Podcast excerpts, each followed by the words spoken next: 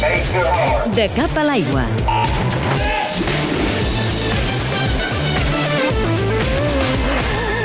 Els salts extrems o de gran alçada seran una de les atraccions del Mundial de Natació d'aquest estiu. Seran un esquep als curiosos i un reclam per Barcelona.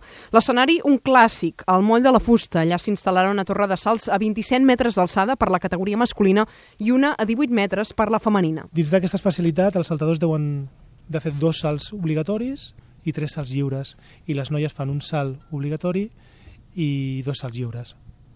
Els salts de gran alçada han pres un, una dificultat enorme des de, des de que es van iniciar com a competicions d'exhibició perquè provenen una mica del, del tema dels shows de salts, no? Es feien els típics shows de salts de trampolí i llavors l'últim salt de cada show era un salt des de 25 metres.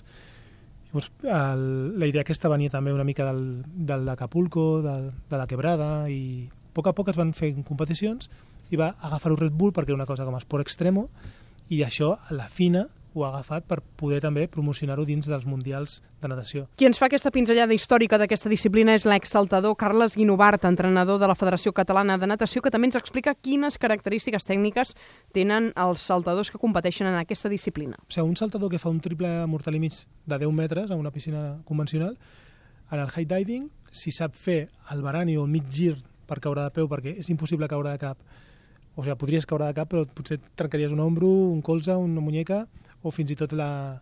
et pots desnucar si tens una mala entrada.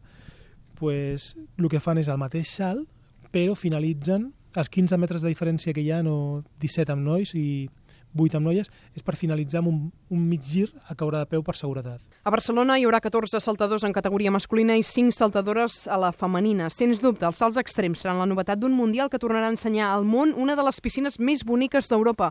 Parlem la de Salts de Montjuïc, la municipal, on es disputarà el programa clàssic de salts, al Mundial a Barcelona, del 19 de juliol al 4 d'agost.